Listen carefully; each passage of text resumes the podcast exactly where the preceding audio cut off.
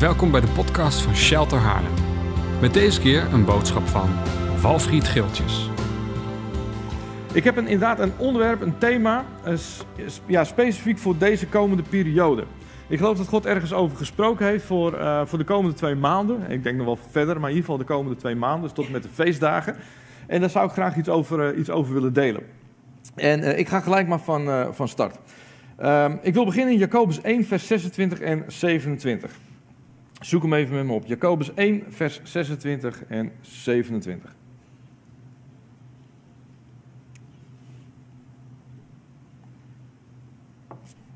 Daar staat het volgende.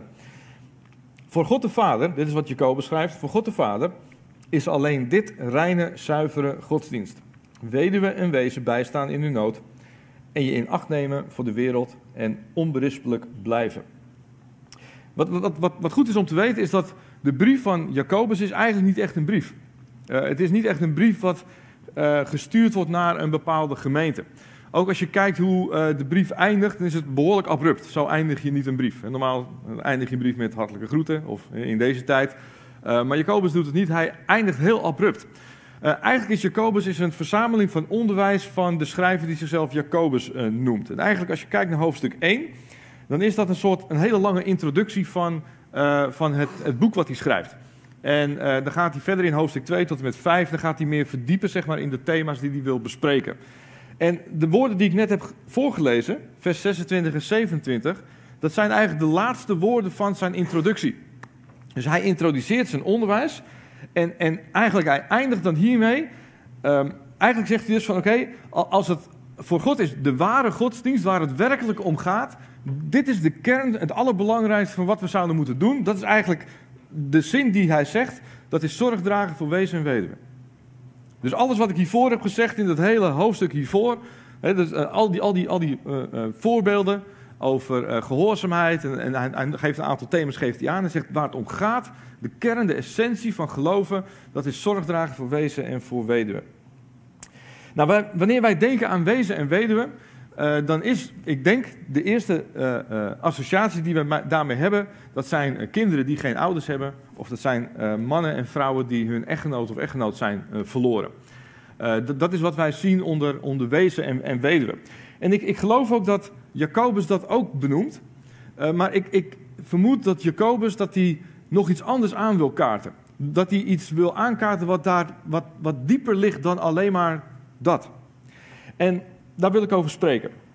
In het Grieks, het woord wat daar staat voor wezen en wede- weduwe, dat is eh, orphanos, hè, o- orphan. Dat komt het Engelse woord orphan vandaan. Ehm, het betekent vaderloos, maar ook ehm, troosteloos. Dat is een andere betekenis, troosteloos. En eigenlijk is troosteloos is wel een beetje een hele droevige uitdrukking in ons Nederlandse taal. Als we het hebben over troosteloos, dan is het eigenlijk een beetje hopeloos. Als je het hebt over troosteloos weer, dan is het grijs, regen en wind. En, eh, en, en nou, dat je denkt, nou, het wordt vandaag niet veel beter dan dit. Dat, dat is troosteloos. Een troosteloze situatie, dat is eigenlijk zo, nou het, het, wordt ook, het, ook niks meer, zeg maar, van deze situatie. Dat is troosteloos. Maar, maar het woord troost is eigenlijk een heel mooi woord. In, in, in onze Nederlandse taal is het, wat, is een beetje zielig. Maar troost is een heel mooi woord. Het, het betekent onder andere bemoediging, empathie tonen, verkwikken, verlichten, helpen, support bieden, meeleven, ehm, verzachten, opvrolijken en aanmoedigen. Nou, dat vind ik al een stuk beter dan, eh, dan troost, toch? Ja, ik vind het niet zo zielig. 2 Korinthe 1, vers 3 en 4, die zegt ook... Geprezen zij de God en de Vader van ons Heer Jezus Christus. De Vader die zich over ons ontfermt. De God die ons altijd troost en ons in onze ellende moed geeft. Zodat wij door de troost die wij zelf van God ontvangen... anderen in hun ellende moed kunnen geven. Wauw, dat is krachtig. Dat is superkrachtig. Iemand vertroosten, dat is iemand moed geven, iemand kracht geven en opbeuren. Met iemand meeleven, dat is vertroosten. Als Jacobus spreekt over wezen en weduwe, dan geloof ik dat hij niet exclusief spreekt over, ja, hoe noemen we dat zeggen? De mensen die een formele status, beetje een raar woord, hebben van, van wees. Maar ik geloof wat Jacobus probeert aan te geven is, hij, hij drukt op iets, op een, eh, een, een dieper liggende emotionele staat van eenzaamheid. Daar spreekt hij over. Hij heeft het over eenzaamheid. over mensen die zich eenzaam voelen. En daar wil ik over spreken, over eenzaamheid. Ik ga het ook verder toelichten. Eenzaamheid, dat is iets anders dan alleen zijn. Je kunt alleen zijn en toch niet eenzaam zijn. En je kunt je omringen met honderden mensen en toch eenzaam voelen. Dat, dat is het gekke van eenzaamheid. Het is ook heel moeilijk om aan te geven, um, om, om te zien van de buitenkant of iemand eenzaam is of niet. Je kunt letterlijk kun je geen vader meer hebben of geen moeder meer hebben of geen echtgenoot meer hebben. En, en toch kun je je niet eenzaam voelen. En dat gebeurt natuurlijk heel vaak wel, maar, maar het, is, het, betekent niet dat als je alleen bent, dat je ook gelijk eenzaam bent. Eenzaamheid en alleen zijn, dat zijn twee verschillende dingen. Eenzaamheid, dat betekent dat je je niet kunt verbinden of dat je niet verbonden voelt met anderen. Je ervaart een gemis, een, een gemis van hechte, emotionele band met andere mensen. Je ervaart niet al die betekenis van troost. Je ervaart geen aanmoediging, je ervaart geen empathie. Je ervaart geen verkwikking, verlichting, hulp, support of medeleven. Je ervaart het niet en je hebt ook niet het idee dat je dat kan, kan betekenen voor een ander. Ik heb opgeschreven wanneer je ervaart dat je al deze dingen niet ontvangt of weg kunt geven aan een ander, dan ervaar je dat als eenzaamheid. Een gebrek aan betekenisvolle relaties. Een gebrek aan ehm, betekenisvolle connecties met andere mensen. En eenzaamheid is een enorm groot probleem. In onze samenleving, maar ook hier in de kerk. En ik geloof dat het iets is met hele grote gevolgen. Als je je lange tijd eenzaam voelt, wat gebeurt er dan? Mensen die zich eenzaam voelen, die trekken zich terug. Die trekken zich terug en er komen gevoelens van alleen zijn, van afwijzing. Er komen allerlei leugenachtige gedachten in ons hoofd. Van je bent niks waard, je doet niet mee. En we gaan ons uh, ellendig voelen. Gevoelens van depressie, met zelfs lichamelijke of psychische klachten. Dus eenzaamheid is een enorm groot ding. En eenzaamheid is iets wat je persoonlijk ervaart. Het is niet altijd heel makkelijk om aan te geven of iemand uh, uh, eenzaam is of niet. Het is iemand die alleen is, die hoeft nog niet per se eenzaam te zijn. Eenzaamheid is heel moeilijk om in te schatten, om aan de buitenkant te zien. Het kan zijn dat je denkt, nou die persoon staat helemaal midden in het leven. En dat je je verbaasd zult zijn over het feit dat iemand zich eenzaam voelt.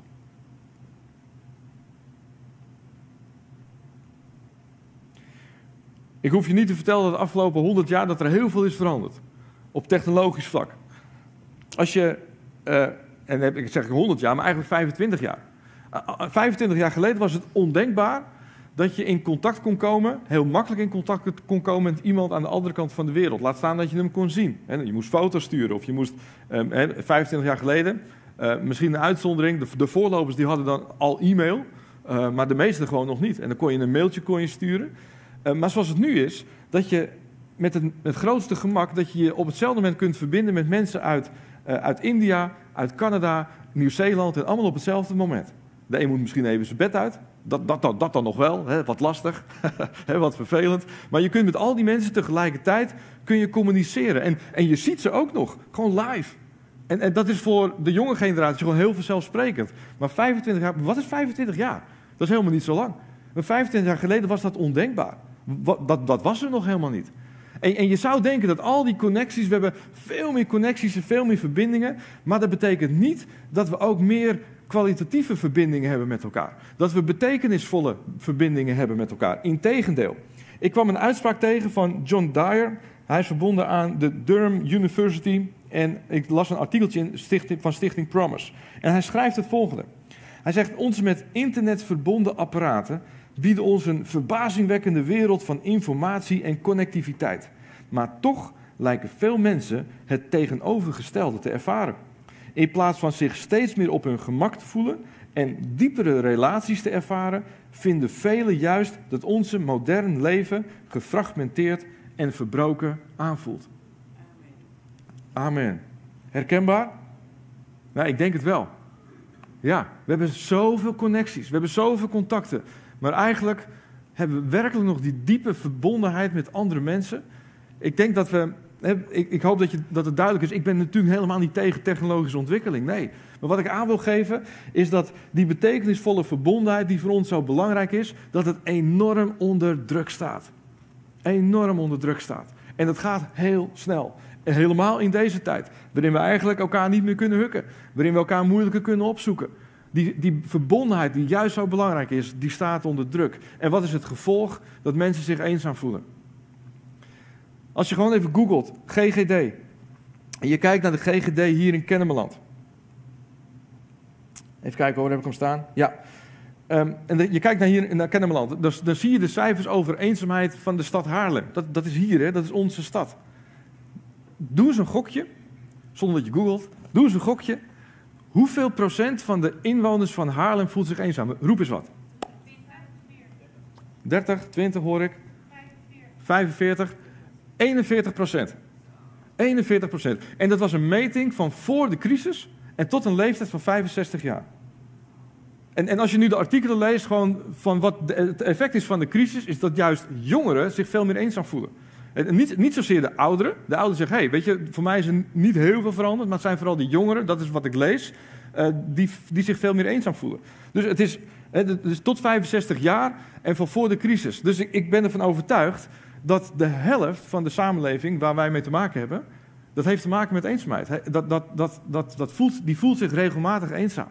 Dat betekent dat de helft van de mensen die jij vandaag tegenkomt, hier in de zaal, en ook mensen die je tegenkomt in de supermarkt, de mensen die je tegenkomt in jouw straat, dat ze worstelen met eenzaamheid. De helft. 50 procent. Dat is, toch, dat is toch waanzinnig? Dat is een mega probleem. Dat is een mega, mega groot probleem. En ik, ik, ik, weet je, en ik geloof dat God hierover spreekt.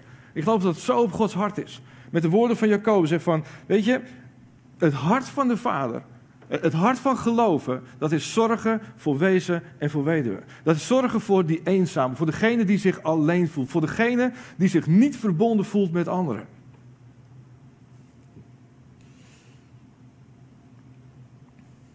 Ik wil even terug naar die woorden van Jacobus. Weet je, Jacobus die roept ons op die zuivere godsdienst van God.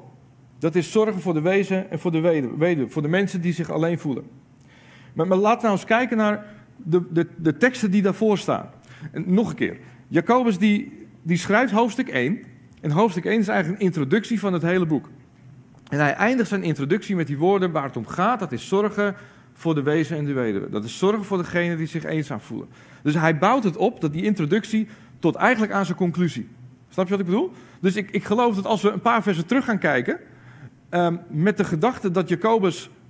Nee, laat ik het altijd zeggen, met de conclusie van Jacobus in gedachten...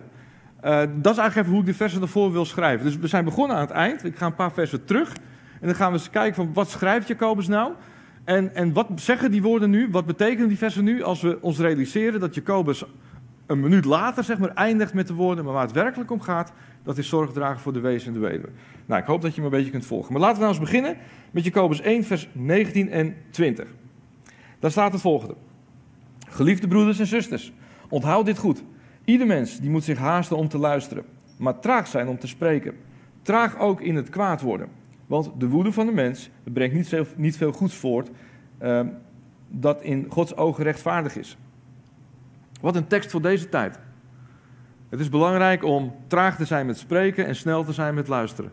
We doen precies het tegenovergestelde. Oh man, er wordt zoveel gezegd. Mensen hebben allemaal meningen. Op social media, er wordt zoveel geschreven. En, en, en wat, wat, gaat er dan een hoop tijd en aandacht verloren?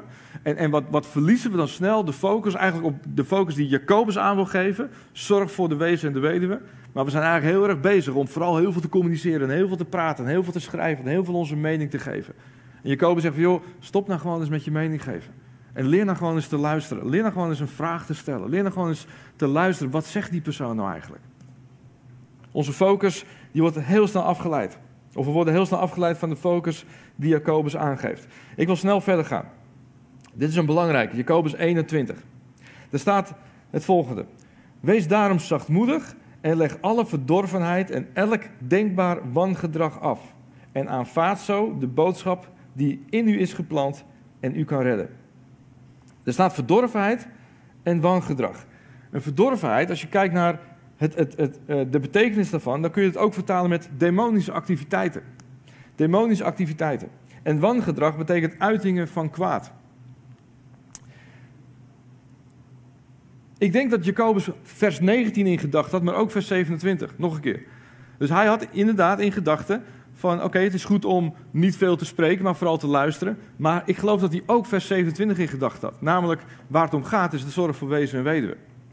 Dat is wat hij in gedachten had. En dan schrijft hij, het gaat hier over verdorvenheid, het gaat over demonische activiteiten. Het gaat over wangedrag, over uitingen van het kwaad.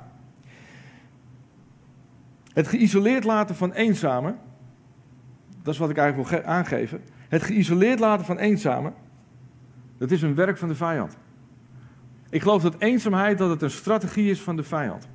Ik geloof dat het een demonische macht is. Als de helft van de samenleving lijdt onder eenzaamheid, dat, dat is niet zomaar iets. En ik geloof dat wat, wat God, dat, en dat is mijn gebed ook, dat hij onze ogen opent voor wat er werkelijk gebeurt. Dus wat, wat, hoe, de, hoe de vijand bezig is om mensen in isolatie te brengen. Want er zit, een, er zit een strategie achter. En die wil ik je vanmorgen wil ik daar een deel over vertellen. Maar ik geloof dat het een, een demonisch werk is van de vijand om mensen in eenzaamheid te houden. Op de eerste plaats, wat doet eenzaamheid? Eenzaamheid brengt je in isolatie, toch? Eenzaamheid brengt je in isolatie. En wat is de reactie van iemand die eenzaamheid ervaart? Ze heeft de neiging, of hij heeft de neiging om zich terug te trekken. En mensen gaan allerlei leugens geloven over jezelf en over anderen. Leugens. Wie is de grote leugenaar? Precies, dat is de vijand. En die smult ervan. Hij smult van mensen die zich eenzaam voelen. Want dat is een, een, een open vat om allerlei leugens in te gieten. Je bent niks waard. Jij doet niet mee. Jij stelt niks voor. Eenzaamheid is een neerwaartse spiraal die mensen vasthoudt, die mensen vastbindt en die mensen ook verblindt voor de waarheid. Het, tweede wat ik aan wil geven is op de, dus op de eerste plaats, het gaat over isolatie, maar op de tweede plaats, ik geloof dat als we werkelijk beseffen dat er een, een geestelijke kracht achter zit, achter die eenzaamheid. Eenzaamheid is het tegenovergestelde van het evangelie van het koninkrijk. Denk daar eens over na. Eh, eenzaamheid, daar zit een kracht achter. Welke macht zit erachter? Dat is de, wees, of de, de geest van het wees zijn. Dat is het tegenovergestelde van verbonden zijn en van familie. Maar wat, wat zegt die geest van het wees zijn? Wat is zijn boodschap? Die boodschap van het wees zijn zegt van, maar jij doet er niet toe. Jij bent alleen. Er zit niemand op jou te wachten. Niemand heeft jou nodig. Dat is de boodschap van de geest van het wees zijn. Jij, jij telt niet mee. En er zijn leugens die over je uitgesproken worden. Maar wat is de boodschap van het evangelie? Het evangelie van het koninkrijk. Wat is de rode draad door de Bijbel? Dat er een God is die alles heeft gedaan om zijn kinderen weer terug te krijgen. Dat is het, de boodschap van het evangelie. Dat God zegt, joh, maar ik wil jou terug. Dat is de rode draad van het evangelie. Om thuis te komen als een zoon en als een dochter. Dat is het evangelie van het koninkrijk. En het staat haaks op de boodschap van eenzaamheid. De boodschap van het koninkrijk is: je bent geliefd. Je bent mijn zoon, je bent mijn dochter. Je hebt bestemming. Ik heb een toekomst voor jou. Een hoopvolle toekomst. Je bent bestemd om thuis te komen, om een zoon te zijn. Dat is het evangelie van het koninkrijk. En er is een macht bezig om mensen in isolatie te houden, zodat ze die boodschap van het evangelie gewoon niet meer kunnen horen. Want als je in isolement zit en je gelooft alleen maar leugens, dan hoor je dit niet meer. Weet je wat eenzaamheid doet? Eenzaamheid houdt mensen vast in een verkeerd koninkrijk. En het wordt tijd dat mensen het evangelie van het koninkrijk van Jezus weer gaan horen. Toch? Maar da daar, moet, daar is iets voor nodig. Daar is, voor, is, is iets voor nodig. Eenzaamheid houdt mensen gevangen in een ander koninkrijk. En het wordt tijd dat dat gaat veranderen. En dat kan ook. Want er is hoop. Lees even mee. Jacobus 1, vers 22 tot 25. Er staat: Vergis je niet. Alleen horen, dat is niet genoeg zegt hij. U moet wat u gehoord hebt ook doen. Want wie de boodschap hoort, maar er niets mee doet, is net als iemand die het gezicht waarmee hij geboren is in de spiegel bekijkt. Hij ziet zichzelf, maar zodra hij wegloopt, is hij vergeten hoe hij eruit zag. En dan staat er, wie zich daarentegen spiegelt in de volmaakte wet die vrijheid brengt, en dat, en dat blijft doen, niet als iemand die hoort en vergeet, maar als iemand die er naar handelt. Hem valt geluk ten deel, juist om wat hij doet. Ja, Jacobus die geeft hier aan dat het goed is om niet alleen maar te horen, maar ook om te doen wat het woord van God zegt. En opnieuw geloof ik dat Jacobus de woorden van vers 27 in gedachten had. Hij wist wat hij een minuut later zou schrijven, namelijk waar het om gaat, dat is zorg voor wezen en weduwe. Dat is wat hij in zijn gedachten had. Die zorg voor wezen en weduwe. Wij als kinderen van God, als wij gehoorzamen, als wij gehoorzamen, dan, dan geloof ik, daar, daar zit, kijk. Ah. Nee, ik moet me anders brengen. Ik geloof dat jij en ik, dat wij iets kunnen doen tegen eenzaamheid. We kunnen iets doen tegen eenzaamheid. En Jacobus die zegt dat het goed is om gehoorzaam te zijn aan Gods woord. En wat staat er? Wie zich daarin tegen spiegelt in de volmaakte wet die vrijheid brengt. De volmaakte wet die vrijheid brengt. Gods woord brengt vrijheid. Dus wat is zijn verlangen? Zijn verlangen, zijn hart, de kern van het, van het, van het geloven, dat is zorgen voor wezen en weduwe. Dat is zorgen voor degenen die eenzaam zijn. En op het moment dat wij niet alleen maar horen, maar dat we dat ook doen en we zeggen ja tegen het verlangen van God, dan zijn we gehoorzaam aan het woord. En wat brengen wij dan? Wij brengen vrijheid. We brengen vrijheid. Ik geloof dat er zoveel kracht in zit in, in, in, in, in dit vers. Dat als wij ons bewust bezig zijn, of bewust bezighouden om mensen te bereiken die eenzaam zijn, daar zit zoveel kracht achter om mensen werkelijk te bevrijden van die neerwaartse spiraal die mensen geïsoleerd houdt en over oren dicht houdt voor het evangelie van het koninkrijk. Gods hart is dat wij aandacht hebben voor hen die eenzaam zijn. Wanneer wij als kerk gehoorzaam zijn aan dat verlangen van God, dan zullen mensen bevrijd worden van die demonische werken die mensen vasthoudt in eenzaamheid en hen niet in staat stelt om thuis te komen. En hier ligt een taak voor ons, voor jou en voor mij. Pak je hem? Ik hoor niks. Begrijp je? Zie je wat er gebeurt? Er is een samenleving van ons die eenzaam is. En niet alleen de samenleving, ook hier in de gemeente. En ik geloof dat wij een enorme sleutel in handen hebben om daar iets aan te doen. Als wij ja zeggen tegen het verlangen van God om daar iets aan te doen, dan, dan, dan, dan, zit zijn ja daarachter. Dat, dat, dat, dat geeft ons de sleutel om mensen te helpen om vrij te komen van die grote macht van eenzaamheid. 19 oktober, twee weken geleden waren 40 christelijke Nederlandse organisaties die gezamenlijk een brief stuurden aan de minister-president. Misschien heb je het gelezen, misschien ook niet. Ik ga hem je voorlezen, tenminste een stukje. Er is een, uh, een initiatief, niet alleen heet dat. En die heeft initiatief genomen om deze brief te schrijven. Maar dat hebben ze niet alleen gedaan, wat ik al zei, met een hele grote groep uh, christenen en organisaties. Er staat niet alleen dus een christelijke beweging van tientallen organisaties en kerken, die in totaal zo'n 6 miljoen Nederlanders vertegenwoordigen diep in de lokale gemeenschap is geworteld en samen in het bezit zijn van duizenden gebouwen. We zijn geraakt door Gods liefde. We proberen daarom onze naaste lief te hebben en willen niet dat ook maar iemand in ons land, of die nu gelovig, anders gelovig of niet gelovig is, in eenzaamheid en zonder naaste liefde door deze zware tijd zou moeten gaan. Wanneer onze kerk en organisaties, um, even kijken hoor, vanuit onze kerk en organisaties willen we iedereen die dat nodig heeft de hand reiken en zo Gods liefde tastbaar maken. Juist in een donkere tijd willen we licht brengen en juist als sommigen onder ons wanhopig beginnen te worden, willen we hoop brengen. Zodat iedereen in Nederland ook daadwerkelijk ervaart, ik hoef hier niet alleen doorheen te gaan. We zijn beschikbaar in alle steden, alle dorpen en alle wijken in ons land. En velen van ons van onze gebouwen, die mogen gebruikt worden. En als we een beroep doen op de mensen in onze achterban, dan weten wij dat zij bereid zijn om belangeloos te doen wat nodig is. De concrete vraag aan u is: wat kunnen we nu uh, voor onze samenleving doen? Hoe kunnen we u, u helpen? Uh, waar zou u onze inzet het beste kunnen gebruiken? Graag gaan we in gesprek om te horen hoe we in deze crisis samen met landelijke en lokale overheid kunnen meehelpen, zodat we uiteindelijk ook met grote onderlinge verbondenheid uit deze crisis verder kunnen komen. En die brief die raakte me. En weet je waarom? Omdat ik hoop proef. Ik, ik, ik, ik hoor iets van een kerk die hoop heeft. En, en hoe lang is dat niet geleden? Klinkt een beetje gek. Maar over het algemeen waren kerken altijd, wisten precies waar, waar we tegen zijn. Maar nu hoor ik hoop. Nu hoor ik de kerk van Nederland, christen van Nederland, die zegt van, geef ons dat deel. Want wij hebben verwachting, wij hebben geloof dat we hier een verandering in kunnen brengen. Geef ons dat deel van eenzaamheid. Een, gezamenlijk verlangen van hier willen we onze schouders onder zetten. Overheid, kom maar op. Maar hier willen we een verandering tegenbrengen. En waarom? Omdat we weten dat het, het omzien naar eenzamen, dat ligt zo in het hart van God. En op het moment als wij daarin bewegen en daarin uitstappen, dan geeft ons ook God zijn, zijn ja daaraan. En dan hebben we de macht om mensen te bevrijden van die verschrikkelijke kracht van eenzaamheid. Om het uit een isolement te halen. Weet je, het is veel meer dan alleen maar even koffie drinken met iemand.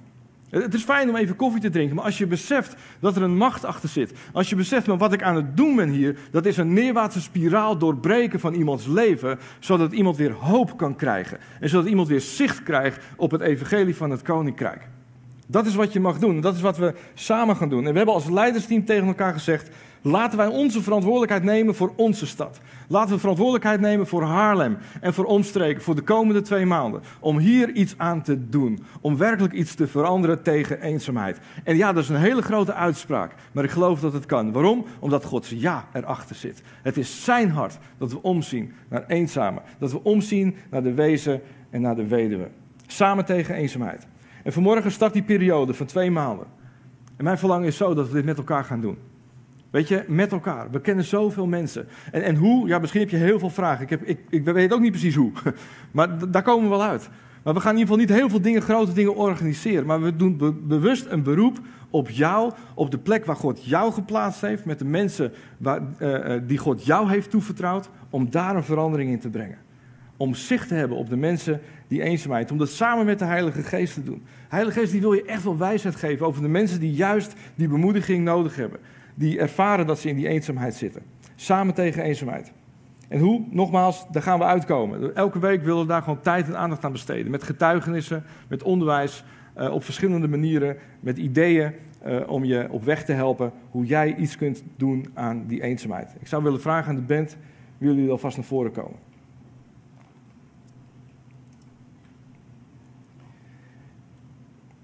Wanneer je gehoorzaam bent, breng je vrijheid. Wil je dat niet? Ja, toch?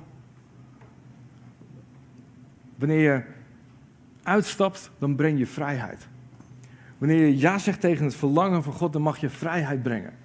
Vrijheid bij mensen om je heen. Matthäus 10, vers 7 en 8, een hele bekende vers. Ik ga hem je voorlezen. Er staat: Ga op weg. Zo even gaan staan met elkaar. Dit zegt hij ook tegen jou. Dit zegt hij ook tegen jou. Matthäus 10, vers 7 er staat: Ga weg en verkondig: Het koninkrijk van de hemel is nabij.